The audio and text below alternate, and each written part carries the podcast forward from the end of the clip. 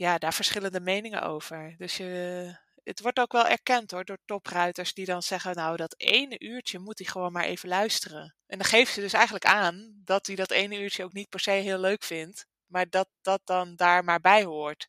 Of dat hij dat, uh, dat zij dat recht hebben omdat ze hem goed verzorgen. Maar dat is dus het hele pijnpunt ook. En mensen die gaan altijd beginnen over, ja, maar ik verzorg hem heel goed. En ik, uh, na afloop gaat hij uh, onder de infrarood en hij wordt gewassen. En uh, we doen alles om zijn spierpijn te voorkomen. Er komt een tandarts, osteopaat. Maar dan denk ik, ja, de, daar gaat het dus niet over. Daar hebben wij het ook niet over. Het is heel goed dat je zo goed voor je dier zorgt. Dat is ook heel belangrijk en heel nobel.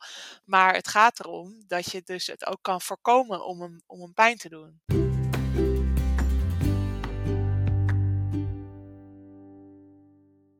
Welkom, superleuk dat je luistert naar uh, de nieuwste aflevering van de Hippies Ondernemers podcast. Ik heb vandaag een hele bijzondere gast. Zij is niet uh, zelf ondernemer, maar zij werkt bij een organisatie uh, en toen ik hoorde dat ze daar werkte, toen dacht ik, nou, haar wil ik spreken. Um, eerst even de huishoudelijke mededeling dat ik, nou, je zult het wel horen, een beetje klink als, uh, ja, niet heel gezond. Ik, ben vrij verkouden geweest de afgelopen weken. Het gaat gelukkig weer goed met me, maar dit is nog het staartje daarvan. Ik zal proberen de gast zoveel mogelijk aan het woord uh, te laten en jullie hier niet mee te kwellen. Gast waar ik het over heb is Sarah Pacey en zij werkt bij Dier en Recht. Dus ja, Sarah, van harte welkom. Zou jij jezelf en Dier en Even willen voorstellen? Ja, dankjewel. Ik uh, ben de Sarah Pacey. Ik heb dierwetenschappen gestudeerd en een aantal opleidingen gedaan over diergedrag en hoe dieren leren. Um, en sinds 2017 werk ik bij Stichting Dier en Recht. Dat is een stichting die zich uh, inzet voor honden, katten en paarden, ook kalveren, om hun uh, leven te verbeteren en om uh, mensen te informeren over uh, welzijnsproblemen bij die diersoorten. En wij werken samen met Varkens in Nood, dus een stukje gaat, ja, gaat ook wel eens over varkens, maar dat komt dan via een andere, andere stichting naar buiten. Mm. Ja, en Stichting Dierenrecht zet zich eigenlijk pas sinds 2018 echt in voor paarden. En volgens mij ook als enige stichting die daar zoveel aandacht aan besteedt in Nederland. Ja, dat is eigenlijk de reden dat ik uh, toen ik jou ergens zag noemen dat je daarvoor werkt, wilde ik jou graag in de podcast hebben. Uh, want wij kennen elkaar uit een, uh, uit een Facebookgroep over volgens mij over trainen met positieve bekrachtiging. Maar ik volg dierenrecht wel en ik vind het supergoed, want jullie spreken je echt uit tegen uh, wantoestanden op maneges, wantoestanden in de sport. En dat vind, vind ik heel erg gaaf. En ik probeer dat zelf ook te doen, maar jullie zijn daar natuurlijk nog scherper in dan ik. Je doet het ook als organisatie. En wat mij opvalt is dat dat regelmatig een gevoelige snaar raakt bij mensen die reageren op jullie berichten. Um, ja, en, en toen dacht ik, goh, hoe gaan jullie daarmee om? Uh, wat, wat doet dat met jullie? In hoeverre bepaal je je beleid en, en je PR op basis van wat gaan mensen ervan vinden? Of doe je dat helemaal niet? Dus ja, daar wilde ik het graag eens even met je over hebben. Uh, kun je mij eens eventjes uh, meenemen in de dingen waar jullie recentelijk tegen hebben uitgesproken? Over dan vooral op paardengebied, want dat zegt de luisteraars denk ik het meeste. ja, wij uh, heel kort zal ik zeggen wat, wat we eigenlijk dan hebben gedaan. Is we hebben onderzoek gedaan naar welzijn op maneges. En naar um, hoe paarden nu nog gehouden worden. Dus hoeveel paarden er bijvoorbeeld nog alleen staan en eenzaamheid uh, hebben of ervaren. En uh, daarin hebben we eigenlijk nu twee lijnen van campagnes. Eentje gaat echt over het houden van paarden. Waarbij eenzaamheid een van de grootste problemen is en het tekort aan loslopen. Uh, dus hoeveel paarden even uit de stal mogen, hoeveel tijd ze dan, um, dan wel met een soortgenoot of alleen vrij mogen bewegen.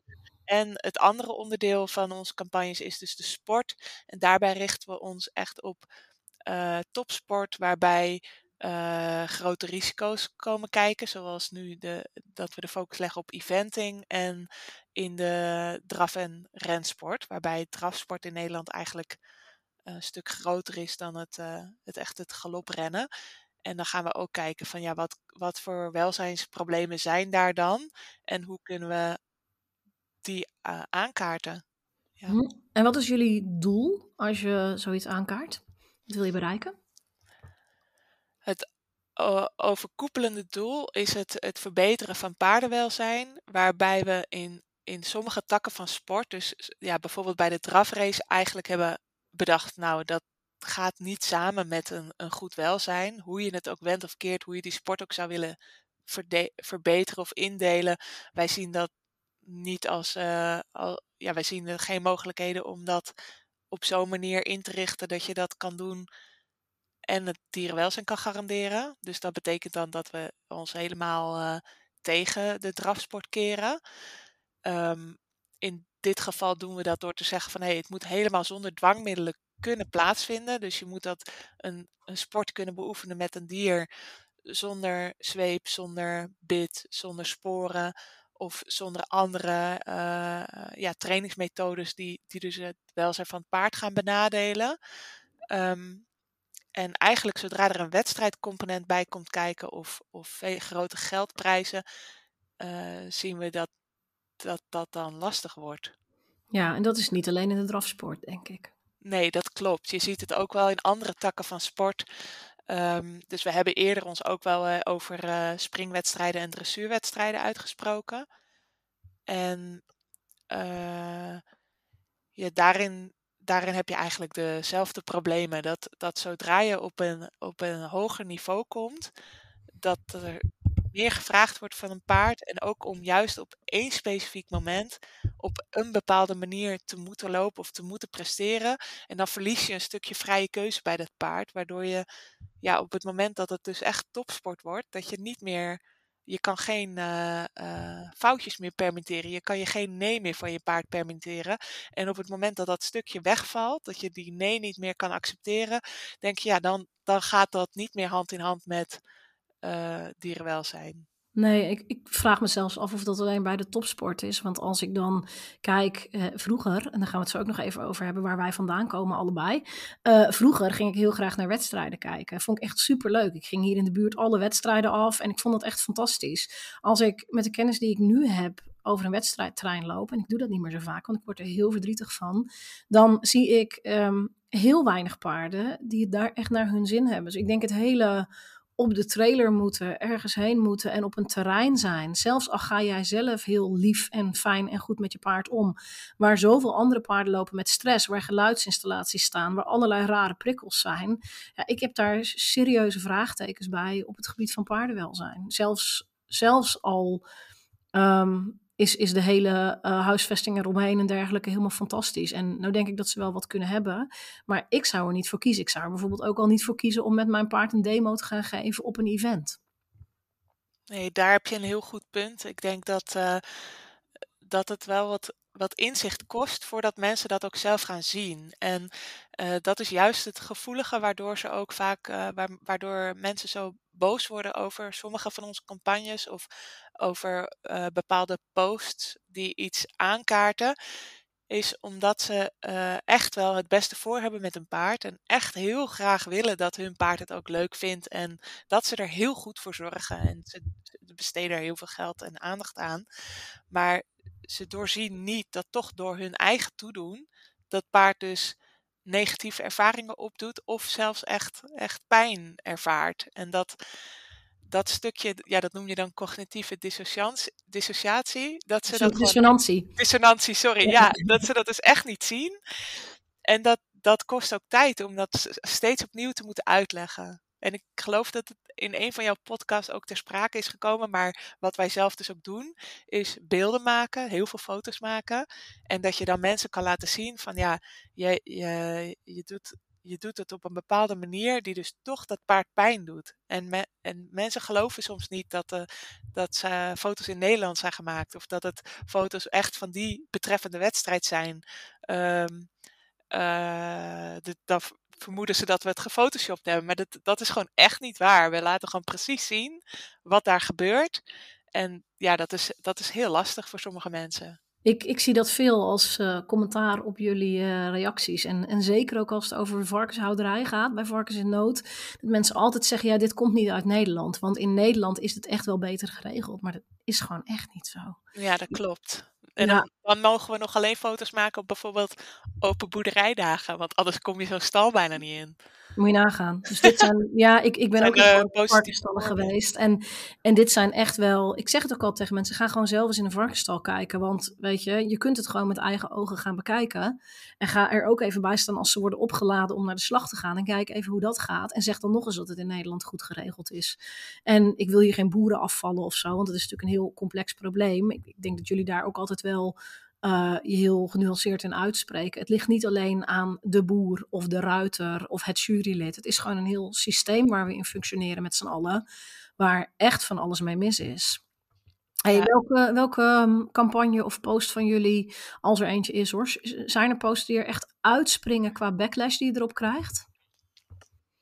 Eh, ja, we hadden op een gegeven moment eh, een poster op laten hangen in Den Bosch tijdens Indoor Den Bosch. Eh, we alle straten eigenlijk rondom het station en rondom de Brabanthallen en waar het evenement plaatsvond, hebben we posters gehangen met paardensport is dierenleed. Eh, als je dan op onze website verder ging kijken, dan kwam je wel op de nodige nuance. Hè, dat het ging over die dwangmiddelen en over bepaalde trainingsmethodes. Maar ehm, toch eh, ja, botste die poster dan wel eh, tegen. Ja, eh, ja, die botste met wat mensen daar dan voor imago bij hadden zelf. Wat ze ervan vonden. Ja, Die, ja, dan probeer je een poster probeer je heel simpel te houden met een hele duidelijke boodschap. Omdat die anders ook niet helemaal overkomt als je alles heel uitgebreid erop gaat uitleggen. Maar doordat het dan te simpel wordt gehouden, eh, eh, krijg je ook weer veel eh, negatieve feedback. Ja. Ja, het is, een, het is een vrij stevige uitspraak natuurlijk. Uh, Ja. Paardensport is dierenleed. Ehm, maar ik denk wel dat het, het, het prikkelt wel iets. Heb je het idee dat, ehm, want ik, ik heb ook geleerd ehm, dat als je een overtuiging hebt en iemand prikt daarin en duwt daartegen en je blijft toch bij je overtuiging, dat je overtuiging dan alleen maar sterker wordt. Dus dat je mensen eigenlijk alleen maar dieper het kamp indrijft van eh, ja, dieren, dierenrecht, dat zijn gekkies en eh, ik zorg heus wel goed voor mijn paard. Wat, wat is jullie ervaring daarmee? Heb je het idee dat je mensen wel bereikt en dat er dingen veranderen? Ja, ik eh, zie heel grote verandering sinds 2017 dat ik hier begonnen ben. Toen eh, ja, was er echt ja, was er van alles wat, wat eigenlijk wat we zeiden, dat, eh, dat was nog een ver van mijn bedshow. En nu zie je het gewoon in, in alledaagse media, maar ook in de paardenmedia. Toevallig net in eh, Hoefslag, maar een artikel over bitloos. En ik zie dat echt overal om me, om me heen steeds normaler worden. Dus hè, we zien ook in de sector zelf dat je nu uh, op een hoger niveau bitloos mag starten. Dat er meer interne ook uh, commentaar komt op uh, bijvoorbeeld maneges die nog stands hebben. Om een ander voorbeeld te noemen, dat, die, dat is dan al heel lang verboden. Maar door onze campagne heeft bijvoorbeeld de FNRS afscheid genomen van maneges met stands. Of zijn die zich gaan verbouwen. Door onze campagne worden wel nu uh, de regels beter nageleefd van uh, het, opmeten van de neusriemstrakte of het bekijken van of we dan toch niet in meer sectoren, meer disciplines ook bitloos moeten toestaan. Dus het wordt wel steeds eh, ook mensen die misschien genuanceerder zijn of die zich niet achter ons scharen, die durven wel door ons zelf ook hun eigen, eigen stem te laten horen. Waardoor je gewoon veel breder publiek kan bereiken. Oh ja, dat vind ik wel een heel mooi punt. Want ik kan me inderdaad wel voorstellen. Uh, ik, ik zou zelf niet zo snel direct uh, iemand gaan aanspreken van hey, nou ja, misschien ook wel trouwens.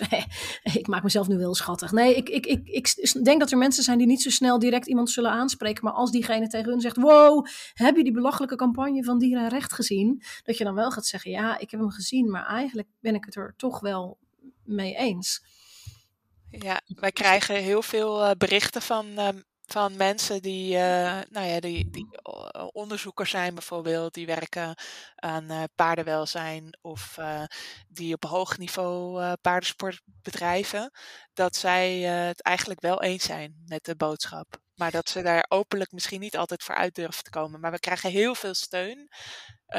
ook wat, wat ons dus wel helpt om zo door te gaan. En ook van andere dierenrechtenorganisaties die zeggen van ja, als jullie het niet een kritische uh, blik erop werpen, dan gebeurt het helemaal niet en dan komt er ook geen vooruitgang. Ja, ja super mooi. Ja, want ik hoorde zelfs pas van iemand die is, uh, had een bijscholing gehad bij de KNRS. En daar was het ook behoorlijk over welzijn gegaan. En volgens mij ook op dat er uh, meer op gehandhaafd, gehandhaafd ging moeten worden op wedstrijden en dergelijke. En denk, oh, dat, dat vind ik wel echt heel tof dat daar, die, ja, dat, dat daar toch dingen gebeuren.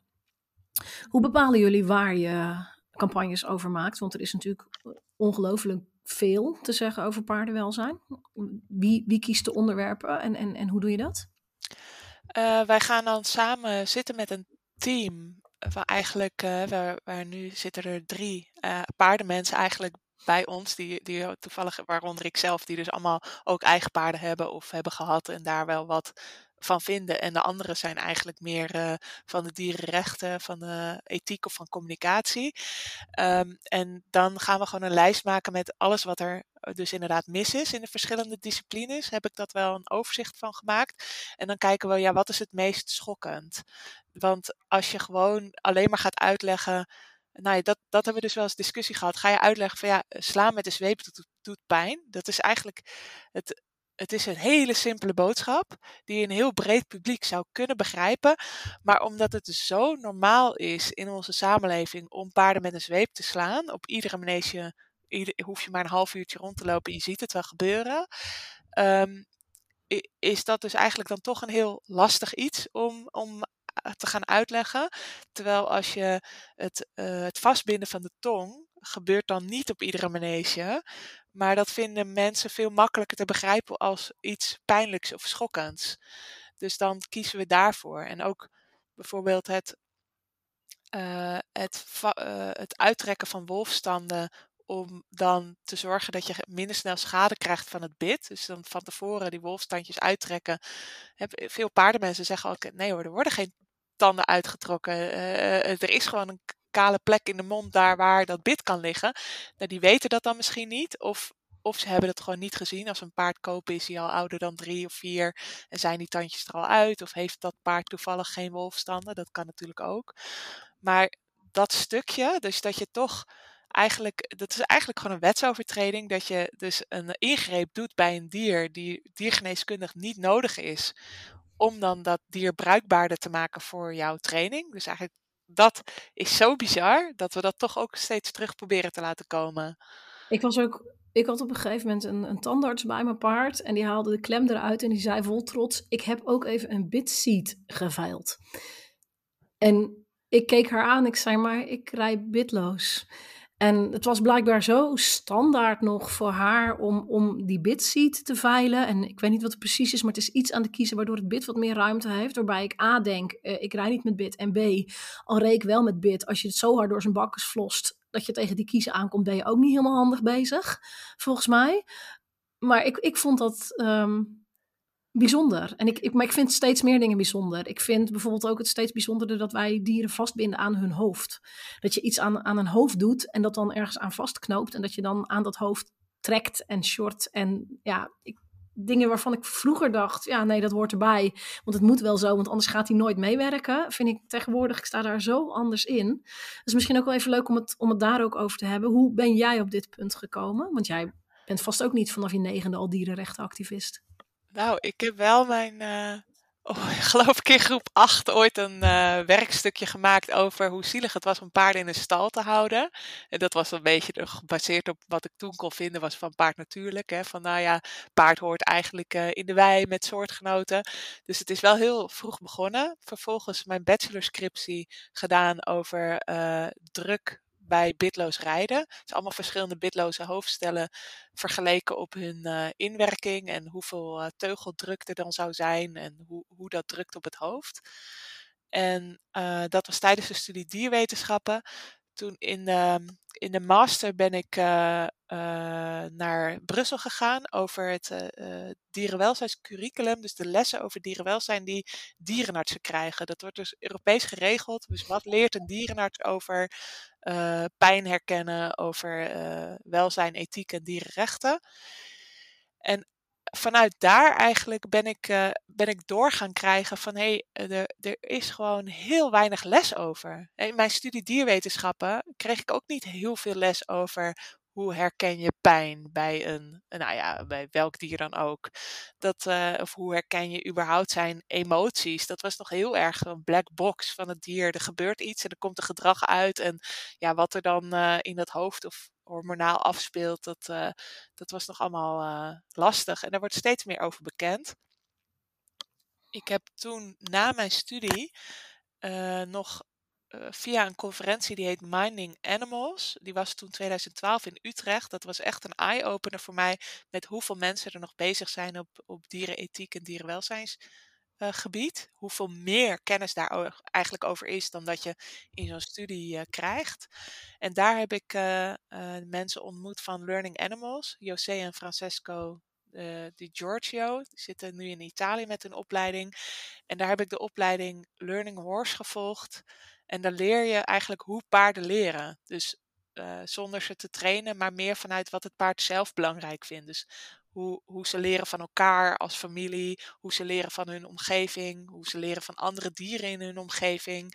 En uh, wat voor die dieren zelf belangrijk is. En daarin werd dat stukje van het moeten rijden of het moeten kunnen trainen om iets gedaan te krijgen, werd helemaal losgelaten.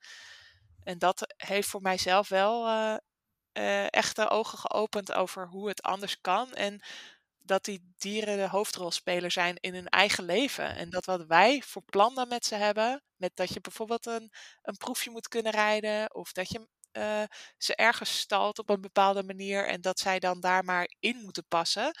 Dat uh, vind ik eigenlijk best wel schokkend hoe dat nu gaat in, de, in de maatschappij. En dat je dus het dier eigen interesses en een hun eigen autonomie, alles zo van hun ontneemt. Dat alles maar in het belang staat van wat wij van ze willen en hoe wij dat passend vinden in ons leven. Dat werd daar helemaal omgedraaid. Dus... Ja, ik had het met Janneke en Jessica hierover. Daar heb ik ook een aflevering mee gemaakt. Maar die geven een um, online cursus over trainen met keuzevrijheid. En die zeiden ook van, dan krijgen we wel eens de vraag... ja, maar uh, hij hoeft toch niet altijd een keuze te hebben? En zij zeiden ook, ja, maar ze hebben bijna geen keuze. Wij bepalen waar ze leven, wat ze eten, wanneer ze eten, hoeveel ze eten, met wie ze staan, uh, hoe lang ze buiten staan, hoe lang ze binnen staan, wanneer wij er zijn, wanneer er getraind wordt. We, we bepalen of ze een deken op hebben of ze geen deken op hebben. We bepalen bijna alles voor ze. Kunnen we ze dan alsjeblieft in de training een klein beetje de keuze geven van wat wil je wel en wat wil je niet? Want het is echt, ja, als je er, hoe meer je erover na gaat denken, hoe bizarder het eigenlijk wordt. En wat, wat was um, voor jou het lastigste om te accepteren? Want zo'n zo'n proces kan best wel uh, lekker aan je waarheden schudden natuurlijk. Ja, ik heb in het begin dan uh, ook het, uh, denk het, nog voordat ik bij Dierenrecht begon, helemaal het rijden losgelaten. En alleen nog maar gaan wandelen met de paarden. En ook best wel ver het veganisme ingegaan. Dus zeg maar zelf ook geen dieren meer eten. Um, om, omdat je daar, ja, daarmee eigenlijk tegen dezelfde problemen aanloopt. En ik vond het heel lastig om dan te gaan kijken van, uh, om steeds creatief te blijven van wat kan ik dan nog wel. Uh, en ook sommige paarden hebben dan ook een fase van, nou ja, dan wil ik, dan wil ik dus dat niet met jou. En dat is best wel duidelijk bij een van mijn paarden, die dus gewoon dan eigenlijk zegt van ja, dat rijden, dat hoeft van mij niet meer. Een ander merk ik van ja, die vindt het nog wel leuk, maar dan wel als groep. Dus met de soortgenoten mee, dus een handpaard mee of, of de andere waar het kan los mee. Um, als je dat veilig kan doen in je omgeving. En dan vindt ze het ook wel leuk om even hard te kunnen, want ik kan zelf niet zo hard rennen. Of bijvoorbeeld naast de fiets even hard te gaan. Dat stukje van tempo maken merk ik dat dat bij haar, uh, dat dat er wel in zit, dat ze dat echt leuk vindt.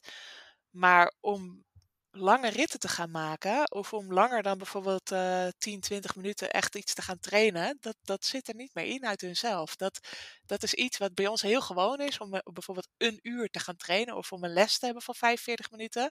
Maar ik merk dat die paarden zelf, uh, ja, uh, 10, 20 minuten wel leuk vinden, of een paar sprintjes zo door, door, door de polder of naar het bos wel leuk vinden, maar een strandrit van 4 uur ja, dan zijn ze gewoon net zo moe als dat ik zelf een marathon zou lopen. En dan hebben ze eigenlijk dan niet zoveel behoefte aan.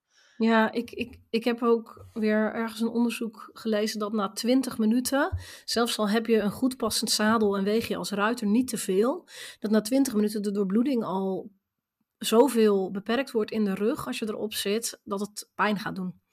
En ja, heb ik ook gelezen. Vond ik best schokkend, want ik vind, ik, rijden vind ik iets heel lastigs. Um, ik denk dat het, als je met een groep op stap gaat, kijk, ze hebben natuurlijk een heel klein wereldje. En in het wild of als ze wild leven, bewegen ze veel meer. Dus ik denk dat het verrijkend kan zijn, maar deze factor, dat ik denk, ja, oké, maar je moet er dus, ja, dan moet je er of na twintig minuten gewoon af, of om het kwartier, kwartier erop, kwartier eraf of iets dergelijks. Want anders ben je hem dus eigenlijk altijd pijn aan het doen. Ik vind dat best wel confronterende informatie. Ja, is het ook zeker. En ook uh, uh, dat, je, dat je misschien niet alles ziet hè, als ruiter. Dus dat je dan ook wel, je moet een deel natuurlijk wel weer gaan trainen voordat je erop kan. En uh, dat, dat is al het eerste waar ik dan weer best wel lang over gedaan heb om, om dat überhaupt of ik dat dan wel weer rechtvaardig genoeg vond. En nu, vanuit het werk van de stichting, hebben we dus, dat is dus een andere, misschien net even een andere visie dan, dan van mijzelf, hoe ik met mijn eigen paarden omga.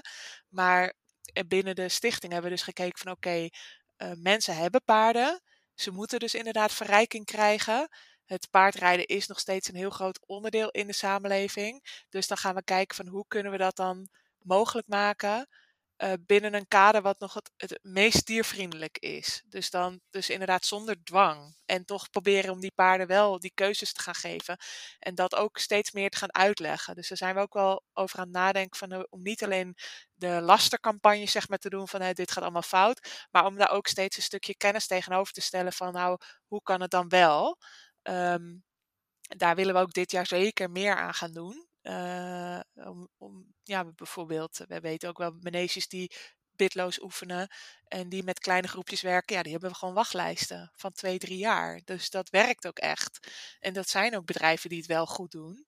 Maar om, ja, om die dan misschien ook meer op een voetstuk te plaatsen. Ja, dat, dat is wel echt heel mooi, want er komen er wel steeds meer. En ik sprak pas ook iemand die zei: Ja, wij willen kinderen les gaan geven met onze eigen paarden. En uh, we vragen ons af of daar voldoende animo voor is. Ik zeg: Nou, ik weet, ik weet het 300% zeker dat je daar. Je moet natuurlijk je, moet je klantenbestand opbouwen, dat is logisch. Maar ik weet zeker dat daar animo voor gaat zijn. Want geen enkel kind gaat op paardrijles omdat hij graag een paard slaat. Dat is gewoon niet zo. Ze willen het gewoon leuk hebben met die dieren. En heel veel kinderen, als je ze echt spreekt, vinden dat rijden. Ja, ze vinden het leuk. Maar gewoon bij die paarden zijn en die paarden leren kennen en vriendjes worden, vinden ze vaak net zo leuk. Dus ja, het is wel super mooi dat daar steeds meer, um, meer in komt. Het is natuurlijk ook wel een glijdende schaal. Hè? Wat je al zegt van jij hebt jouw visie, ik heb de mijne. De stichting heeft dan weer een andere. Um, en je, je, bent, je hebt je eigen visie, maar je hebt natuurlijk ook de visie van de mensen die jullie berichten moeten ontvangen. En daar zul je toch ook enigszins bij moeten aansluiten, want anders is het te, te, te moeilijk, denk ik. Klopt, ja. Wat we, we zien wel van ja, je kan niet iedereen informeren. Want sommige mensen zijn er gewoon nog niet klaar voor. En of die hebben gewoon niet de juiste kennis, zeg maar, om, om dit dus echt te begrijpen. En daarom proberen we uh, steeds steeds eigenlijk de boodschap te herhalen. Dus we leggen steeds opnieuw uit van hoe herken je pijn bij een paard. Uh, en ook aan de hand van wetenschappelijke onderzoeken. Zoveel paarden hebben verwondingen in de mond. We hebben dan ook uh, paardentandarts die, die daar verder uh, onderzoek mee doet. Waar we, waar we veel mee communiceren van hoe legt hij dat uit aan eigenaren. Hoe kunnen wij dat dan ook uitleggen aan een groter publiek. Um, en ik denk dat dat wel werkt. Dus er moet gewoon zoveel veranderen dat, ja, dat, er veel, dat er steeds kleine stapjes nodig zijn. En heb je een groep van pioniers die dat zeg maar uit zichzelf al allemaal gaat uitzoeken. En die al helemaal uh, alles weet, zeg maar, van de uh, autonomie tot de uh, R training en het keuze geven in training. Of, of dus helemaal van trainingen afziet als je naar die Learning Horse opleiding gaat kijken. Dat, dat je dan ziet van hé, hey, dat zijn echte pioniers. Die gaan al helemaal uit zichzelf dat uh, doen. Dan heb je een middenmoot die daar dus af en toe wat van oppikt. En ik denk dat wij die dan ook uh, het, het meest proberen te bereiken van om ze net een steuntje te geven om hiermee uh, verder te gaan.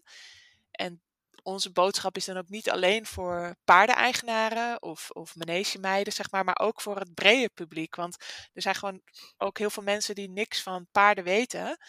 Eh, die dat dan misschien, bijvoorbeeld als je een film kijkt en er gebeuren allemaal dingen met paarden. Of die hun kleindochter naar de manege brengen. Die dan misschien wel ook wel denken van, oh, best wel naar uh, dat ze dat ze toch dat paard moest slaan omdat hij niet in galop wou. Ik noem maar wat. En dat, dat zij dan ook daar meer kennis over krijgen om dat te kunnen, kunnen uitleggen of, of hun keuzes te kunnen maken daarin. Ja, dus eigenlijk inwerken op het hele systeem en niet alleen op die individuutjes die op bepaalde plekken zitten, maar ook op alles eromheen. Zodat, Zo breed mogelijk. Ja, ja. ja, zodat die mensen. Ik denk dat dat ook wel werkt. Ik denk dat als manege op het moment dat jij meerdere keren op je open dag kritische vragen krijgt en denkt, oeh, het publiek vindt iets van wat ik doe, dan ga je eerder veranderen dan wanneer er een of andere organisatie zegt, hé, hey, wat jullie doen, dat deugt niet. Ja. Wat, wat doen jullie met um, hatelijke reacties? Want ik, ik zie op jullie Facebook, volg ik jullie natuurlijk, ik zie dat jullie weinig reageren. Ja, we hopen of we willen eigenlijk dat mensen onderling zelf die discussies uh, voeren. Dus er zijn wat we dus die pioniers noemen, die eigenlijk al uh, nou, minstens net zo goed weten als, als jij en ik wat, ze, wat, er, wat je ervan kan vinden, dat die het woord voeren en de dingen gaan uitleggen. Dat zou ons ook te veel mankracht kosten. Want ja, er zit al één iemand bijna voltijds op alleen maar op uh, social media posts. We hebben ook nog Instagram en we hebben ook nog andere diersoorten. Dus dan, um, dan kost dat gewoon te veel tijd om op iedereen te gaan reageren. Um, ik denk dat wat, ja, wat ik persoonlijk wel heel naar vind, is dat je zeg maar ook wel gewoon uh, echte hatelijke reacties privé krijgt. Bijvoorbeeld toen met die drafsportcampagne, mensen die je weten waar je paarden staan, die dan daarover echt, uh, nou, echt heel lelijk doen. En dan, dan zijn wij wel gewoon geneigd, oké, dan doe ik aangifte, bijvoorbeeld.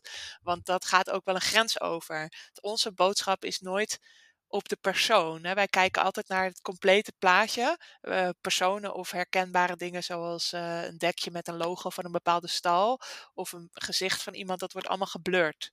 Het gaat er echt over de boodschap van kijk wat er uh, in die mond van het paard gebeurt. En niet over kijk die, die persoon heeft dat en dat verkeerd gedaan. Dat zouden wij nooit doen. Um, maar dat is ook wel tekenend, denk ik, voor ja, eigenlijk in het stukje ja, eh, ja, ik zou haast zeggen, toch onkunde wat die mensen hebben, dat ze zich echt geen raad weten met hoe het dan anders zou moeten. En dat dus er een heel, uh, heel brede weg nog te begaan, of een hele grote stap nog te begaan is met het informeren van mensen hoe ze dan anders met dieren om kunnen gaan. Ja. Zijn er dingen waarvan jullie wel met elkaar besloten hebben van als dit gepost wordt of uh, op Instagram of Facebook in reactie op onze berichten, dan verwijderen we dat wel? Uh, echt uh, scheldpartijen. Dus echt het respectloos. Ook niet alleen op onze post, maar bijvoorbeeld ook op andere. er zijn sommige mensen die ja, ook gewoon spam, wel die rare links plaatsen of zo naar hun eigen bedrijf of naar hun eigen dingen. Ja, dat dan, of, of, wat helemaal niet gepast is, dat, dat wordt allemaal verwijderd. Um, de meeste mensen die gewoon inhoudelijk reageren, dat, dat laten we staan. Want dat is wel gewoon nuttig, ook voor ons om te weten van hé, hey, uh, hoe zien ze dat dan? En uh, ja, dat, uh, dat hoort daar ook bij. Ja. Heb je wel eens een moment gehad dat je dacht, nou nu stop ik ermee, want dit gaat te ver qua persoonlijke reacties die je kreeg? Um, nee, ik heb wel, wel eens gehad om andere redenen dat ik dacht dat ik ermee wel wilde stoppen. Dan was ik bij manegebezoeken geweest en dan deed ik drie maneges per dag. Reed ik gewoon door Nederland en België om ze te bezoeken. En dan kwam ik echt zulke schrijnende gevallen tegen van paarden die er gewoon 24 uur 7 in een stand staan, in een eigen mest. Dat ze niet eens plat konden gaan liggen, überhaupt moeite hadden om te gaan liggen. Of maar twee keer per dag hooi kregen en dan helemaal wild werden op dat voermoment. Dat ze dus zo'n honger hadden. En dat, ze, dat je gewoon zeker weet, nou, die hebben dus maagzweren, die lopen nooit los, die hebben stress van die lessen, die staan kinderen te bijten, omdat ze zich zo vervelend zijn verveeld zijn door al die kinderhanden de hele dag. Dus dat waren echt nare ponies eigenlijk ook. Maar je weet natuurlijk waarom ze zo naar geworden zijn. En dat ik daar dan gewoon wegreed en huilend dacht van, uh, nou, uh, dit uh, hoeft voor mij helemaal niet meer. ik hoef het ook niet meer te zien. Ik wil het niet meer zien, zeg maar. Maar ja, als ik het niet meer zie en ik doe niks, dan verandert er ook niks. Dus dan is dat toch, denk ik van, nou, ik moet toch weer door. Ja, heftig wel hoor. Ja, en ook wel Oh, sorry, zeg maar. Hebben jullie daar een, een ondersteuningsnetwerk voor? Of met elkaar? Mm, nou, we hebben het er wel eens over. Want we hebben dus ook wel intern dat er best wel vaak mensen zijn gewoon emotioneel heel betrokken, anders doen ze dit werk niet. Heel gemotiveerd. En dat er dan toch wel wat uitval is door mensen die uh, burn-out raken of die, die het niet meer, die depressief raken, die het niet meer overzien.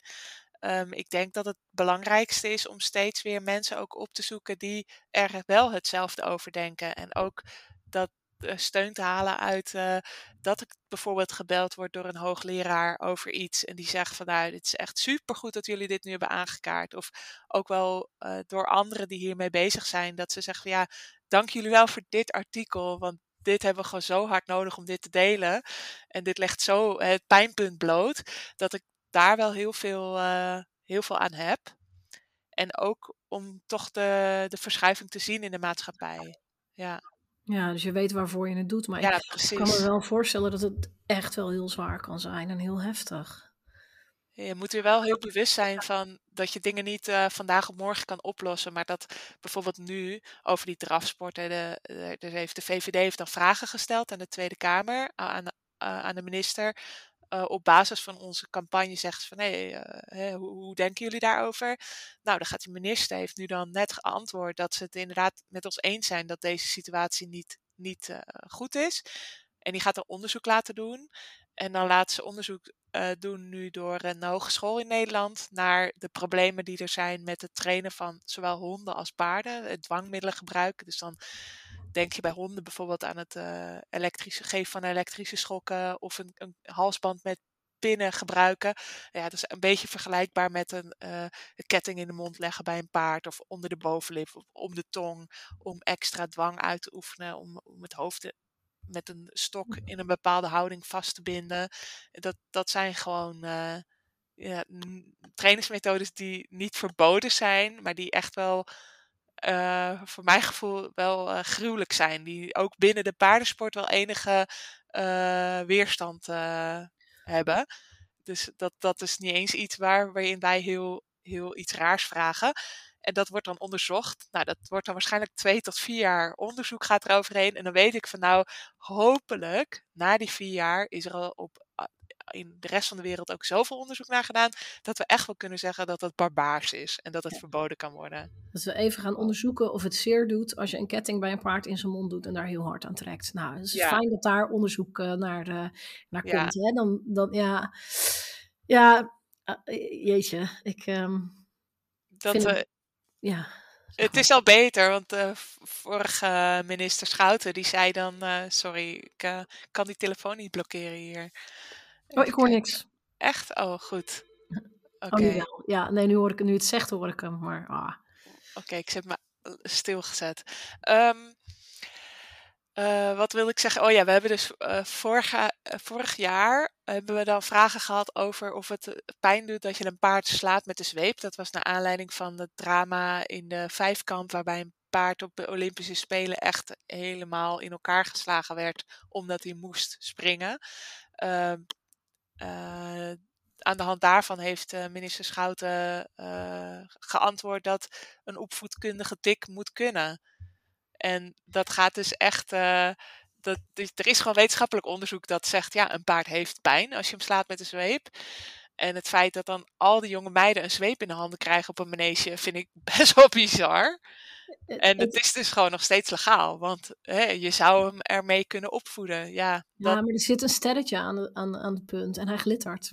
Ja, dus dan is het anders. Dus dat, ja. Uh... ja, dat blijft bij mij ook een van de dingen dat ik denk als je naar een, een ruitsportwinkel binnenloopt en je zegt mijn kind gaat op paardrijden, wat heeft hij nodig? Dan krijgt het kindje een cap, mogelijk laarzen en een zweep. Ja, dat, dat, is dus dat is echt een omschakeling die nog wat meer tijd vraagt. Dat we hebben dus vorig jaar gemerkt dat de maatschappij daar eigenlijk dus, dus nog niet klaar voor was. En dat, terwijl het ons zo'n simpele boodschap leek. Hè? Slaan doet pijn. Dat is eigenlijk, simpeler kan je het bijna niet, niet stellen. En er zijn alternatieven. Je kan, je kan een, zeg maar, een olifant in de dierentuin krijgt ook geen olifantenhaak meer in zijn schedel gerost als hij niet luistert. Dat doen ze ook met positieve bekrachtiging en met geduld en met, met uh, ja, andere trainingsmethodes die, die dier in ieder geval geen pijn doen. En dat je dat dan voor een paard zogenaamd nodig zou moeten hebben om hè, die zogenaamde 500 kilo in bedwang te houden, dat, dat vind ik echt uh, best wel bijzonder dat die opvatting nog zo uh, heerst in Nederland. Ja, ik, ik verbaas me vaak over het, wantrouwen dat mensen hebben naar paarden toe. Dat ze zeggen van ja, maar als ik hem een keus geef, doet hij niks meer. En dan denk ik, oké, A, het is niet waar.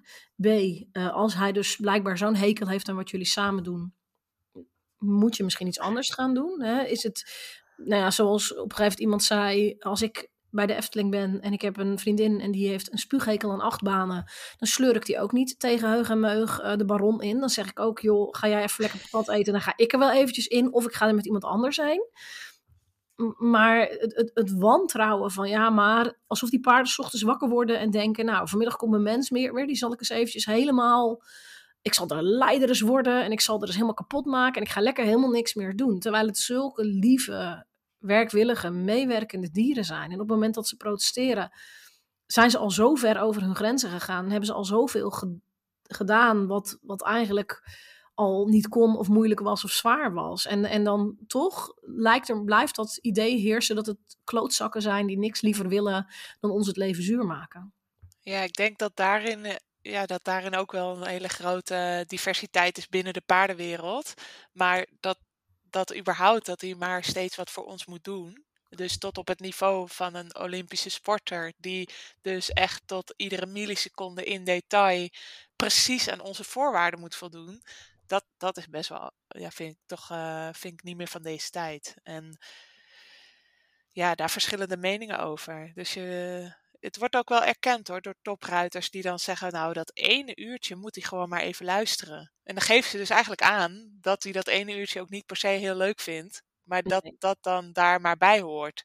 Of dat, hij dat, uh, dat zij dat recht hebben omdat ze hem goed verzorgen. Maar dat is dus het hele pijnpunt ook. En mensen die gaan altijd beginnen over, ja, maar ik verzorg hem heel goed. En ik, uh, na afloop gaat hij uh, onder de infrarood en hij wordt gewassen. En uh, we doen alles om zijn spierpijn te voorkomen. Er komt een tandarts, osteopaat. Maar dan denk ik, ja, de, daar gaat het dus niet over. Daar hebben wij het ook niet over. Het is heel goed dat je zo goed voor je dier zorgt. Dat is ook heel belangrijk en heel nobel. Maar het gaat erom dat je dus het ook kan voorkomen om hem, om hem pijn te doen. En dat stukje is ook lastig te communiceren, want iedereen gaat iedere keer zeggen: ja, maar hij heeft het echt heel goed. Ik, ik doe echt alles eraan om hem zo goed mogelijk te verzorgen. Dat trekken wij helemaal nooit in twijfel. Daar gaat het, daar gaat het ons ook niet om. Hè. De gros van de mensen wil inderdaad gewoon het beste voor zijn paard. En die, die eh, doorzien dan dit nog niet, denk ik. Ja, ja, het is natuurlijk ook wel moeilijk als er iets is wat jij heel leuk vindt. Ik bedoel, ik, ik ben geen uh, Olympisch ruiter. Ik verdien er mijn brood niet mee. Ik heb er niet jaren van mijn leven in geïnvesteerd. En zelfs ik vond het al lastig om te zien dat mijn hobby misschien leuker voor mij was dan voor mijn paard. Dus ze, ze moeten ook wel, op het moment dat ze het wel erkennen, moeten ze ook wel heel veel opgeven. Ja, dat is ook wel heel lastig. Ja. En ook, ook het verdienmodel. Dat als je iets wilt. Ja, ik heb, ik heb zelf ook een, uh, een IJslandse hengst. En ja, als ik eh, die in, zeg maar letterlijk in waarde wil laten stijgen, moet die in keuring lopen. Ja, hoe ga ik dat doen?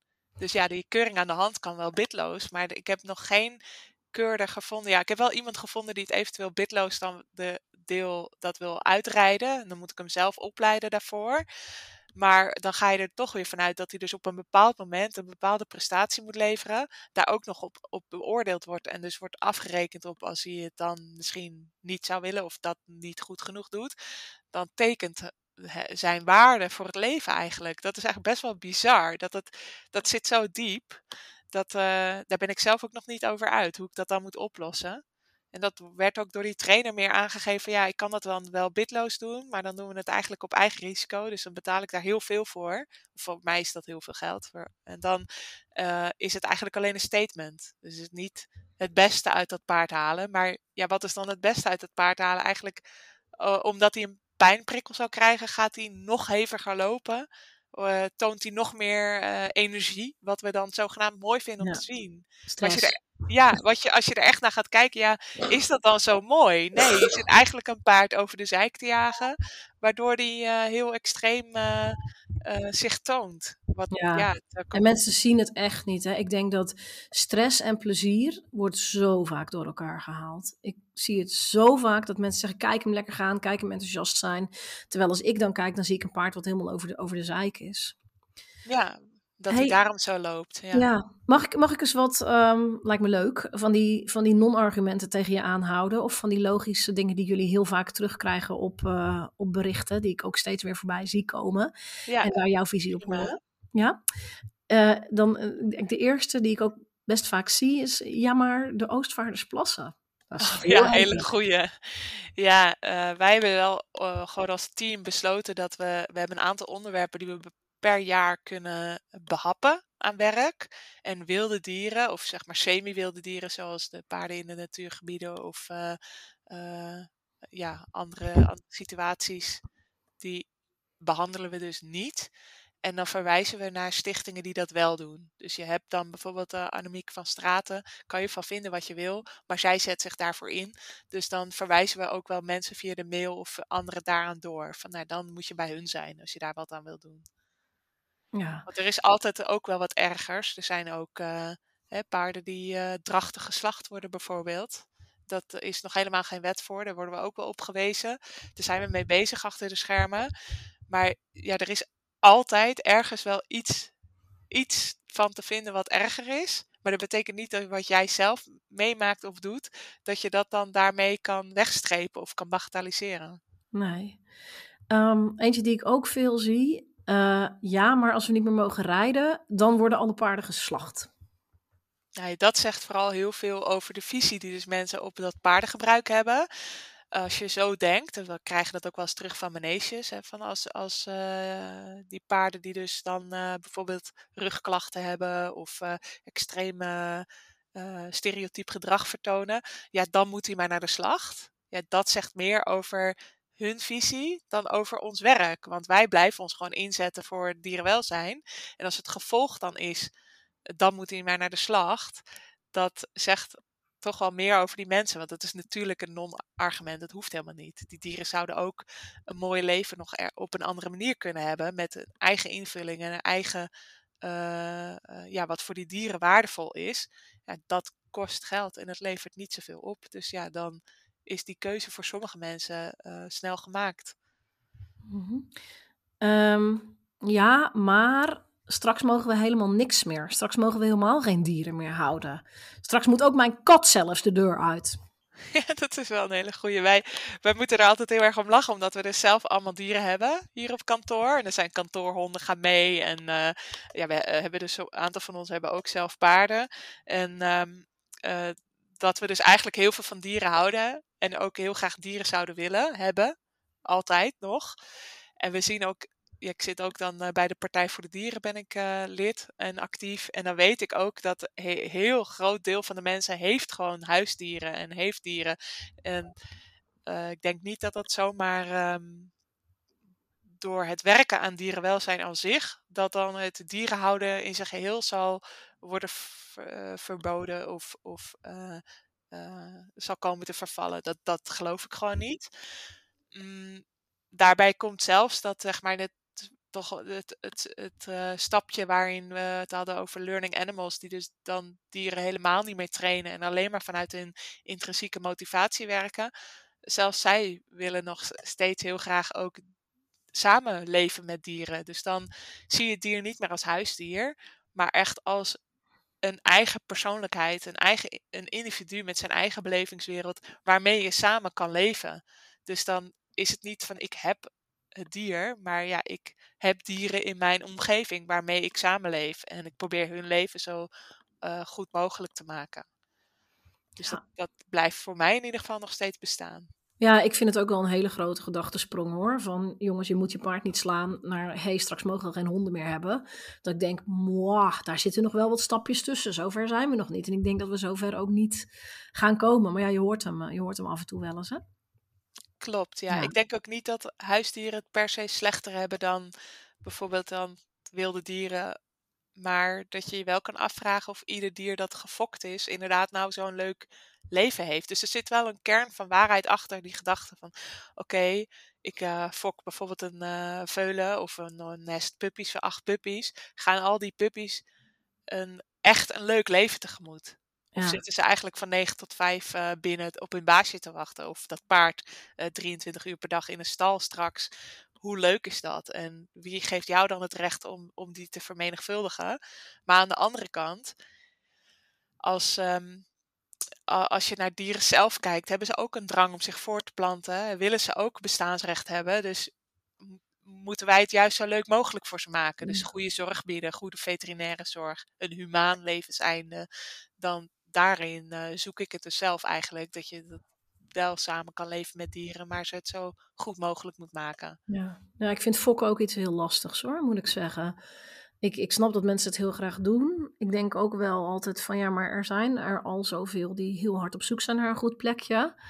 En ik vind dat, volgens mij hadden jullie ook die campagne toch, van die hondjes met die Platte snuiten, ja. Ik heb mijn neus hier te pletten. Van die hondjes met die platte snuiten. En ik zie dat bij de paarden ook heel veel. Dat er in bepaalde rassen. Ik las eergisteren ook een post van iemand die had haar Belgisch trekpaard moeten laten gaan. En die gaf ook aan dat 80% van de Belgische trekpaarden CPL heeft. Nou, dat is een hele nare aandoening. En dat vind ik dan wel. Ja, ik zal niet zeggen dat ik vind dat we helemaal niet meer moeten fokken, maar daar zou wel veel zorgvuldiger mee mogen worden omgegaan, wat mij betreft. Ja, daarin heb je zeker gelijk. Het is ook eigenlijk, als je heel kritisch kijkt naar de wet dieren, mag je dus niet fokken met dieren die, uh, waarvan de nakomelingen mogelijk problemen hebben. Dus in het geval van uh, kunstmatige inseminatie ja, bij paarden is dat dan standaardpraktijk voor überhaupt voor het fokken. Maar in het geval van honden wordt dat heel vaak gedaan omdat ze zich natuurlijk niet eens meer kunnen voortplanten. Dus die bulldogs, die kunnen niet eens via een normale dekking, natuurlijke dekking, zichzelf nog voortplanten. Het grootste deel redt het dan niet meer. Dus, en die zou ook niet normaal geboren kunnen worden, want het hoofd is groter dan de uitgang. Dus dan, dan houdt het ras eigenlijk al helemaal geen stand. Dat, ja, bij paarden heb je dat iets minder dat het dier helemaal niet meer geboren zou kunnen worden, komt eigenlijk niet voor. Maar wel uh, dat je heel veel erfelijke aandoeningen hebt waar, waar te weinig op gelet wordt. Ja, en ik denk het is en voor de nakomeling, denk, hoe ver is het om die op de wereld te zetten, maar ook voor de merrie. Ik, ik zie ook zo vaak mensen die zeggen, ja, heeft uh, probleem X of Y in zijn lijf of in haar lijf, kan niet meer gereden worden, maar zou nog een prima fokmerrie zijn. Dan denk ik, nee, dat is lekker als jij een peesblessure hebt of pijn in je rug en je moet dan ook nog met zo'n veulen in je lijf gaan rondlopen. Dat moet dan ook nog door dat bekken van jou waar je problemen in je SI-gewricht hebt naar buiten gewurmd worden. Nee, feest je dit. Ja. ja, dat vind ik toch wel, daar wordt toch wel veel te makkelijk over gedacht, vind ik hoor. Klopt. En ook of die paarden of die blessures gevoelig zijn, of dat dan ook niet erfelijk is. Ja, ja mijn, mijn eigen paard die heeft spat, dat is artrose in het spronggewricht. En um, die heeft als veulen in de draad gezeten, dus ik denk dat het daarvan komt. Maar het zou erfelijk kunnen zijn. Ik heb wel heel veel mensen tegen mij gezegd, ja, dan fok je toch een veulentje. Ja. Uh, nee, nee, dat risico ga ik niet nemen. Ja, verstandig hoor. Ik heb zelf ook een paar merries waarmee ik niet kan fokken, omdat ze ofwel bijvoorbeeld zomerexeem hebben, of echt, echt scheve gedraaide voorbenen, wat wel met bekappen een beetje goed te houden is, maar dat die paarden daardoor wel artrose hebben gekregen. En dan denk ik, ja, daar ga ik niet mee fokken. Nee, hè? Uh, nee. Dus hou je heel weinig paarden over die, uh, die inderdaad ook, ook leuk genoeg zijn om mee te fokken. Of ze hebben bijvoorbeeld een karakterprobleem. Dat zie je bij IJslanders wel veel. Eh, gevoelige merries die heel eenkennig zijn, die heel lastig zijn om überhaupt te trainen voor, uh, voor mee te gaan rijden. En dat die dan maar weggezet worden om veuletjes mee te fokken. Want ja, ze zijn wel een goede moeder. Maar die eenkennigheid, of dat, dat eigenlijk dat. Ja, het, het, het stukje asociale gedrag, dat wordt dan wel meegenomen in de fok. Ja, ja en, en hoe leuk is je leven als je. Ik, ik heb zelf wat mentale issues en ik heb snel last van angsten en onrust. Dat is niet altijd leuk. En niet dat ik zeg dat ik hier niet had willen zijn, maar ik zie bij mijn eigen, bij Destiny zie ik ook, die is ook vrij snel van slag. En, en die kan ook wel het leven wat lastig vinden. En dan denk ik, ja, ik weet niet. Ik, ik vind dat nou niet per se de meest handige keuze om, om daar nog eens even lekker mee. Uh, nee, nee. Maar goed. Nee, ik denk dat. Uh, we hebben ook wel gekeken naar bijvoorbeeld een campagne over de fokkerij te doen. We hebben dan natuurlijk dierenrecht heeft rasonderwijzer, raskattenwijzer, waarbij we per ras uiteenzetten wat hun erfelijke problemen zijn.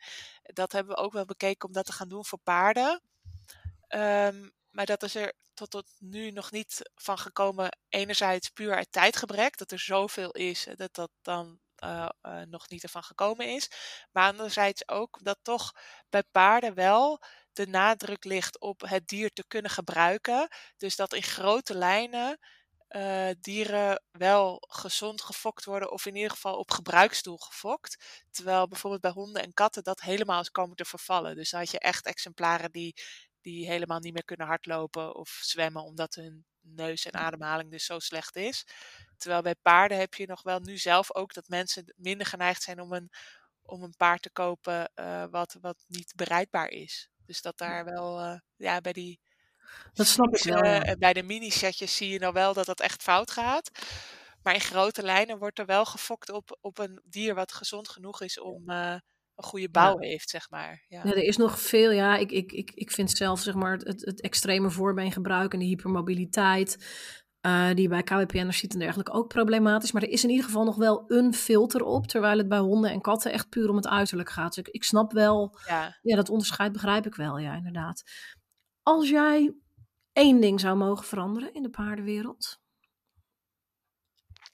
Mm, ik denk dat als uh, alle financiële. Dit is een beetje utopie, hè? idealistisch. Als alle financiële waarden ervan weg zou worden gehaald, dus dat um, uh, wedstrijden niks meer opbrengen. Dat je er niet jouw uh, uh, verdienmodel uit kan halen van bijvoorbeeld het verkopen van dekkingen of van het winnen van koersgeld met die dravers. Dat, het, dat je er niet meer op mag gokken. Dus dat in die draverentsport dat het stukje kansspelen er, ja, dat, dat dat verboden wordt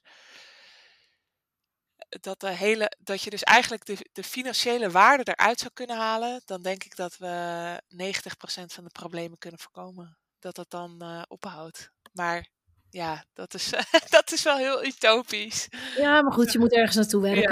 Ja, dat, dat zie je bijvoorbeeld bij dierentuindieren. Die mogen niet verkocht worden uh, voor geld. Dat mag alleen verhandeld worden in, uh, op basis van uh, fokkerijdoelen. Dus dat je de ene leeuw met de andere gaat uitwisselen om, om de genetische variatie groot te houden. Dat zorgt er wel voor dat die handel in wilde dieren uh, stiller is komen te liggen. En ik denk dat dat ja, voor paarden, als ze geen handelsobject meer zouden zijn, maar dat je dus rekening gaat houden met hè, eh, hun vriendjes, hun eigen familie, het, het kunnen hebben van een stabiel leven in een kudde en niet, oh, mijn kind is nu te groot, ik verkoop hem weer. Wat bij sommigen toch wel heel normaal is. Van nou, dan kopen we weer een ander. Maar dat, als dat weg zou vallen, denk ik dat het ook wel heel veel dierenleed zou schelen. En dat mensen er ook het niet meer ervoor over hebben om uh, eh, 300 euro per maand stalgeld te betalen voor een paard wat, wat dan eigenlijk geen waarde meer heeft. Even tussen aanhalingstekens in waarde het financiële stukje. Ja. ja, en dan zou je realistisch kijkend waarschijnlijk inderdaad eerst een golf krijgen waarbij er meer paarden bij de slacht eindigen. Ja, dan leveren ze nog iets op. Ja, dan leveren ze. Ja, en, en de, daarna zou je hopen dat de populatie kleiner ja. wordt. En dat degene, degene die overblijven, dat daar dan goed en anders voor gezorgd wordt. Dat hoop ik, ja. ja. Dat, ik denk dat, uh, hè, dat het verafschuwen van, oh, dan gaan er heel veel naar de slacht. Ik denk dat mensen zich daarop verkijken hoeveel paarden er al uh, worden geëuthaniseerd omdat ze bijvoorbeeld blessures hebben of omdat ze gedragsproblemen hebben, of dat ze niet meer bruikbaar zijn. En dat ze dan misschien hem nog proberen naar een goed huis door te verkopen, maar dat het uiteindelijk dan via een handelaar ook eindigt bij de slacht. Of misschien nog via drie andere adressen. En dat denk niet dat dat dan meer of een groter probleem is dan dat het nu al is. Ik denk niet dat dat extra jaar waarbij ze nog zeven adressen langs zijn gegaan, nou heel veel toegevoegde waarde uh, gaf aan het leven. Nee, nee, is, nee. Ja, misschien een beetje uh, te stereotyp gedacht, maar ik denk inderdaad dat niet dat het dat het voor die groep paarden dan nog heel veel uitmaakt. Nee. Cynische mensen zijn wij. Wat erg, ja. Uh, ik, denk wel dat als. Ja, ik, toevallig ik ben ook bezig met een uh, Paddock Paradise uh, starten. En toen ben ik gebeld door de Rabobank. En die vroegen van ja, hoe wil je omgaan met uh, zwart betalende klanten? En met cash geld. En ook het verkoop van mijn paarden of veulens of dekkingen. Hè, als je daarvoor cash krijgt, hoe ga je daar dan mee om? En het was heel serieus. Nou ging het bij mij niet om zoveel geld dat ze dat verder nog interessant vinden. Maar ze zeiden, noemden wel dat dus echt de paardenhandel eh, een van hun grootste problemen is in het, in het witwassen van geld en het, Ja, de handel. Er zit zoveel geld in. Dus ik tuurlijk. denk dat eh, dat stukje, als je dat kan tackelen, dan, nou, dan, zijn we ook, hebben we ook een heel groot deel van die problemen opgelost. Ja, ik denk inderdaad wel dat het een hele grote factor is. Ja, ja. Ehm, even kijken hoor. Ik, ik maak nog één laatste vraag. En dat is wat wil dierenrecht... eh, wat, ja, wat, wat komt er nog aan vanuit jullie? Als je daar iets over mag vertellen. Ja, is eh, wel interessant. Wij zijn bezig nog met een, een rechtszaak om te zorgen dat paarden minimaal, ik zelf echt bar weinig, maar minimaal vier uur per dag los mogen lopen. En dat is momenteel, was het al geregeld via de wet dieren. En dan heb je dat daar binnen de wet dieren staat dat paarden, dat dieren überhaupt hun natuurlijk gedrag moeten kunnen vertonen. En dat wordt dan ge- gehandhaafd door de gids voor goede praktijken. Er is in 2011 op verzoek van het ministerie ook een gids voor goede praktijken opgezet, waarin staat dat paarden vier uur per dag ehm, los moeten lopen of vrije beweging moeten hebben. Sorry, dat is aangepast naar eh, vier uur per dag uit de stal gaan. En uit de stal gaan is natuurlijk iets heel anders dan loslopen. En dat uit de stal gaan is dan ook eh, twee uur lesrijden, een uur eh, opzadelen en eh, nog een half uurtje in de stapmolen staan. Dus eh, wij willen dat dat vier uur per dag loslopen, dat dat voor ieder paard wettelijk minimum wordt. Waarbij ze eventjes de benen kunnen strekken in een paddock waar ze minstens vijf galopsprongen kunnen maken. Of dat dan een binnenbak is of een buitenbak, daar zeggen we nog niet eens wat over. Maar alleen maar vier uur per dag even zelf mogen kunnen bewegen, kunnen rollen. Wat ze in de stal vaak niet kunnen. Kunnen plat liggen, kunnen stijgeren. eh, of, of gewoon even een ander uitzicht hebben. Dat, Ja. dat echt is. eh, ongelooflijk, ja. En je hebt ook dat kansloze keurmerk paardenwelzijn natuurlijk. Volgens mij mag je nu, als je je paard een half uur per dag... Als, ik, ik weet het al niet meer, ik heb het bekeken. Hij moest een bepaalde minimale afmeting van een box hebben. Maar als hij dan zijn hoofd naar buiten kon hangen, dan telde dat stuk ook al mee of zo. En ze moesten dan minimaal een uur per dag buiten komen. Maar als de box groot genoeg was, hoefde dat maar een half uur te zijn.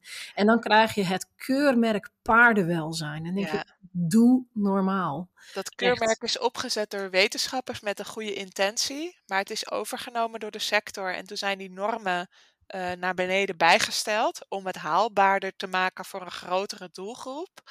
Waarbij je dus inderdaad, je hebt geen eh, stok achter de deur, je hebt geen handhavingsmechanisme. Dus het is alleen de bedrijven die al eigenlijk wat goed doen, die kunnen dan hè, wat goed doen, het keurmerk krijgen. Maar ehm, het is niet zo dat je daarmee de sector grootschalig gaat kunnen veranderen. En dat is met wat wij proberen nu met die rechtszaak. Daar hebben we dan één bedrijf uitgekozen. Dat, dat kan ik dan niet noemen welk bedrijf dat is. Maar ehm, die gewoon meer dan 200 paarden hebben. En niet de ruimte hebben om al die paarden dagelijks vier uur per dag buiten te zetten. Of, of in een binnenbak te zetten. Tenzij je ze misschien met 100 tegelijk in de binnenbak gaat zetten. Maar dat is natuurlijk ook niet wat je wilt. Het moet wel eh, eh, ook weer op die manier dan passen. Ehm, en dan moet de NVWA dan op handhaven. Die hebben gezegd, al die paarden waren goed verzorgd. Hè, dat ze nou niet die vier uur uit de stal komen. Hè, dat, daar kijken we dan even niet naar. Dan gaan wij dus terug om een rechtszaak aan zeggen van nee, het gaat niet alleen. Dus we gaan een rechtszaak aan tegen de NVWA. Dus niet tegen die manege die dat eigenlijk verkeerd doet.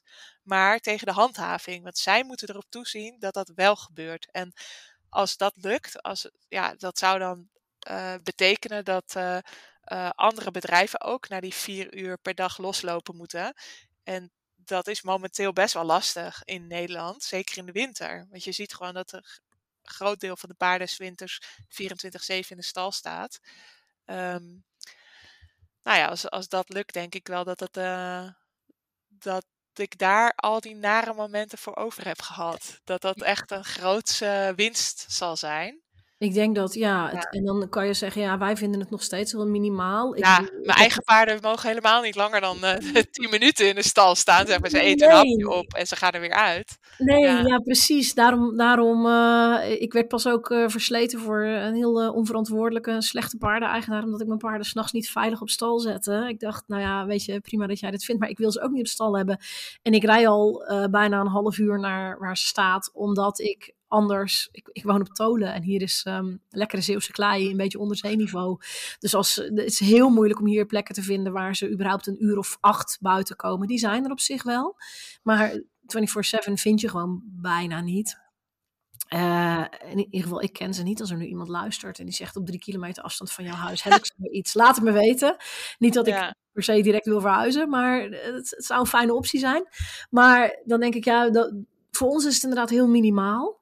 Maar ik denk dat voor een paard 20 uur op stal staan in plaats van 24 uur per dag echt wel een, een enorme stap vooruit is. Qua ja. welbevinden. Dus ja, dat is echt, dat hoop ik echt dat wel gaat lukken. En daar, ja, even toevoeging op. Op iedere ondergrond kan je gewoon drainage leggen, paddock zand. En het is wel duur, want ik ben dat zelf ook wel aan het uitzoeken. Het is gewoon heel duur. Maar uiteindelijk zou je dat moeten doorberekenen aan je klanten. En dan wordt gewoon die stallingsprijs in plaats van 230, wordt het, uh, wordt het misschien 290 euro per maand. Of, of 350. Maar dan heb je wel dat ieder paard uh, op een droge, comfortabele ondergrond buiten kan staan het hele jaar. Ik zou het er echt wel voor over hebben, want als ik zie wat ik nu verrij aan benzine. dat is ook heel duur. Ja, en, en uiteindelijk, als ik nu alles doorbereken, denk ik ook niet dat ik. Uh, want ik besteed nog wat mestbeurten uit en zo. Dus als iemand mij 290 of 350 euro volpensioen kan aanbieden op goed gedraineerde kleigrond, nou, ik zou het er zo voor betalen. En daar ben ik vast niet de enige in ben ik misschien nog eh, te goedkoop geweest met de inschatting. Ja. Ik, eh, ja, ik heb ook geen idee hoe lang je het, uh, over hoeveel jaar je het moet afschrijven en zo. En het hangt natuurlijk ook vanaf hoeveel ruimte je wil bieden. Wil je, wil je tracks en paddocks maken of wil je je hele wei, bij wijze van spreken, toegankelijk maken? Ja, dat, dat is natuurlijk ook wel een verschil. Ja. Goh, ja, hey, super interessant, uh, Sarah, om jou gesproken te hebben. Uh, normaal sluit ik af met dat je eventjes reclame mag maken voor, uh, voor jezelf. Maar ja, jij mag dan even reclame maken voor Dierenrecht nu. Waar ja. vinden mensen jullie? Hoe kunnen ze je steunen? nou, kan ons dus vinden op de website van dierenrecht.nl. En als je nou denkt van ik ben echt ook tegen het, het gebruik van dwang en dwangmiddelen, uh, teken alsjeblieft onze petitie. Want we zitten bijna aan de 25.000 handtekeningen. Als we die hebben gehaald, dan ga ik die aanbieden bij de Tweede Kamer om dus opnieuw te vragen om uh, uh, iets te doen aan, aan dwang in de, in de paardensport. En geloof me, we zijn dus niet tegen het houden van paarden, niet tegen het paardrijden aan zich, maar wel tegen het pijn doen van paarden om maar gedaan te krijgen wat wij willen. En dat, als, het, als het goed is, ja. Eh, staat iedereen die luistert hier hetzelfde in. Want mensen die denken je kunt ze best een beetje slaan en schoppen, die heb ik uh, hopelijk in vorige afleveringen al weggejaagd. En anders mogen ze nu vertrekken. dus ik, uh, ja, op die manier kun je ons steunen. En door af en toe berichten te delen ook, uh, ja, dat we een groter publiek bereiken, dat helpt ontzettend. Ja. Werken jullie ook met vrijwilligers? Ja, we hebben een aantal mensen die uh, inderdaad die wel bijvoorbeeld reiskosten en entree betalen. En die dan naar wedstrijden gaan, bijvoorbeeld de draf- of eventingwedstrijden. En dan bij uh, bepaalde evenementen dat gewoon filmen en doorsturen aan ons. En vooral bij eventing zien we dat dat nodig is, omdat we hadden op de laatste wedstrijd hadden we op drie verschillende hindernissen hadden we iemand staan die dat dan bij ieder paard gewoon even op de foto zette of filmde. En het bleek dat op een van de laatste hindernissen paard zijn been gebroken heeft. En die hebben we op film. En dan werd er niks over omgeroepen. Het is nergens in de media gekomen. En die andere fotografen, die dus eerder in het parcours stonden, die hebben daar niks van meegekregen. Dus hebben we drie mensen op een evenement. En dat, dat gewoon eigenlijk puur toeval, omdat er iemand bij die hindernis stond, dat we ervan afwisten. Maar anders had gewoon niemand dat geweten. En op het evenement zelf ook niet. Want het paard werd meteen achter zwarte schermen gezet en afgevoerd met de trailer. En dat is dus niemand die daar rondloopt die denkt van... hé, uh, hey, wat is er met dat paard gebeurd? Er is gewoon eventjes, zeggen ze, we hebben vijf minuten pauze. Uh, we gaan zo weer verder, werd omgeroepen. En verder niks. Ja. En dat, dat is eigenlijk denk ik, ja, dus als er vrijwilligers zijn die zeggen hé, hey, um, ik uh, heb goed gevoel voor fotografie of camera. Ik vind het niet erg om dus wel dat aan te zien. Want ja, het die mensen die dat gebroken been hebben zien gebeuren, die hoefden daarna niet meer. Die vonden dat zo verschrikkelijk om te zien. Die zijn eigenlijk huilend naar huis gegaan en die, die willen nu eigenlijk niet meer, niet meer dat, dat vastleggen. Mocht je zeggen, nou, ik, ik kan er nog wel tegen om dat te zien, ook al is het maar een paar uurtjes een keer in de maand of in twee maanden, ja, dan help je ons daar wel mee. Om gewoon En het, even voor de duidelijkheid, je staat dan gewoon op openbare plekken die gewoon toegankelijk zijn voor het publiek. Dus je hoeft niet uh, rond te gaan sneaken en dingen te doen, uh, stiekem uh, op het inrijterrein achter een bosje te gaan liggen en dat nee. soort zaken. nee, gewoon dat je dat zegt. Ja, want er kan natuurlijk heel makkelijk kritiek op komen, hè, dat je zegt van... Uh, ja, maar je, je bent daar uh, undercover om, om daar uh, slechte beelden vandaan te halen. Maar dit zijn gewoon de dingen die gebeuren. En die ja, het is gewoon openbaar. openbaar. Ja. ja, we doen absoluut niks illegaals. Dus we gaan nooit stallen in als het niet een open dag is of niet een open toegankelijk terrein is. Dat doen we gewoon echt niet. Ook omdat we ons gewoon zelf aan de wet en regels willen houden. Dus we doen niks illegaals. En we zullen ook nooit mensen met naam en toenaam of met gezicht en dergelijke openbaar maken. En um, uh, ja, dus als je, als je zoiets doet, ben je ook niet strafbaar bezig. We huren ook gewoon professionele fotografen in die gewoon uh, in een wedstrijdring een ticket betaalt en daar gewoon gaat zitten. Dus ja. dat is niet. Uh, nee, dus je legt gewoon strafbaar. vast. Je legt gewoon vast wat er gebeurt. Ja. en, en ook de dingen waar de, de organisatie en het promoteam van een event normaal gesproken voor kiest om die buiten de promotie te houden. Dus die laten vaak de, nou ja, goed, mooie dingen is ook niet eens waar. Want ik denk, soms zie ik foto's van wedstrijden. Dat ik denk, hoe kan je dit in godsnaam zelf naar buiten brengen? Of, of van ruiters die dingen op hun uh, profiel zetten. Dat ik denk, ja, je kiest er toch zelf voor om dit vreselijke beeld nu naar buiten te brengen. Maar er wordt natuurlijk ook wel heel veel mooier gemaakt dan het is. En jullie willen daar een tegengeluid aan geven. Ja, ja, en dat is ook niet voor iedereen weggelegd. Hè? Want je, je, we willen niet dat je zelf, dus wat nu dus eigenlijk die mensen overkomen is, dat ze dus zelf echt gewoon uh, dat op hun netvlies hebben staan en dat ze er heel naar van zijn. Dat ze gezien hebben hoe zo'n paard eigenlijk tegen een vaste boomstam aansprong en meteen op drie benen stond. Um, dus als je denkt, nou, da, daar heb ik geen zin in, moet je dat ook absoluut niet gaan doen. En je kan ons ook helpen door gewoon uh, berichten te delen. Ja, of uh, de petities te tekenen. Dat is, ja, dat is ook een manier van te helpen. Ja. ja. Ja, dus zorg goed voor jezelf. Ja, ik denk dat dat ja. voor iedereen, voor professionals, maar ook voor vrijwilligers, altijd belangrijk is. niet iedereen trekt dit. Ik zou dit ook gewoon niet. Nee, ik zou dit niet kunnen. En ik ben heel blij dat er mensen zijn zoals jij die dat wel kunnen om zich daar ja. mee te confronteren. Um, en als je iets ziet bij een stal, wat bijvoorbeeld een manege die nog paarden in stands heeft staan, of waar de paarden uh, 24-7 binnen staan in, in, een vuile, in een vuile stal, dan kan je daar zelf gewoon aangifte van doen. Dus dat kan ook. Hè. Bij, voor particulieren ga je dan naar 144 Red een Dier, doe je aangifte bij uh, voor, voor één particulier geval. Als het een bedrijf is, dus bijvoorbeeld een manege of een handelsstal of een, uh, een trainer die hè, daar zijn beroep van heeft gemaakt waar misstanden zijn, dan meld je dat bij de NVWA. Ja. En dat helpt ook. Dat als, als er maar de hele tijd meldingen binnenkomen, dan weten ze ook dat, er, dat, er, uh, dat het gezien wordt, dat het serieus genomen wordt. Ja. En jullie website is gewoon dierenrecht.nl, denk ik. Ja, en daar vind je, ik zat hem ondertussen al even te bekijken. En daar vind je dan bij wat jij kunt doen, uh, staat Doe mee met onze campagnes. Waar staat de petitie, Sarah? Uh, bij uh, paardenzaken. Dus um, bij de campagnes op paarden klikken. En dan heb je de verschillende onderwerpen. En eigenlijk alleen de, de meest recente staan bovenaan. En die zijn dan nog uh, open voor handtekeningen of ja. Delen van artikelen die erbij staan. Ja, nou, ik ga het in ieder geval gelijk doen. Mijn handtekening. Mm, misschien heb ik het al gedaan, maar dan uh, filteren jullie hem er vast wel weer uit. Ja, de dubbele worden weer. Ge... Dat heeft dus geen zin. Je hoeft niet vijf keer te tekenen, want uh, uiteindelijk dan uh, worden alle dubbele namen en e-mailadressen worden eruit gehaald. Ja, nou, ik ga het gelijk doen en dan kunnen mensen zelf ook kijken. Ik zie een doneerknop staan en nog wat andere Dankjewel. opties die je kan doen. Dus ik zou zeggen, jongens, ga ze volgen op uh, Facebook, Instagram. Hou de website in de gaten. Het zijn wel nare plaatjes die je te zien krijgt. Dat ga ik je vast voor waarschuwen. Maar ja, het is helaas wat er gebeurt en het is belangrijk dat, uh, dat we met ons allen ons daar ook tegen uitspreken, denk ja. ik. Sarah, heel erg bedankt voor je tijd. En, ik vond Hartstikke het leuk om te doen. Ja, oké, okay, dankjewel.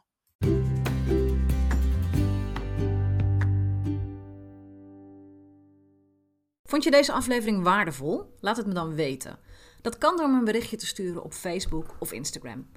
Als je me wilt helpen meer paardvriendelijke professionals te bereiken, zou ik het enorm waarderen als je andere mensen vertelt over deze podcast. Stuur ze de link of geef een shout-out in je stories. Zo help je mij meer mensen te bereiken die zich inzetten voor paardenwelzijn. En zo maken we samen de paardenwereld steeds een stukje mooier.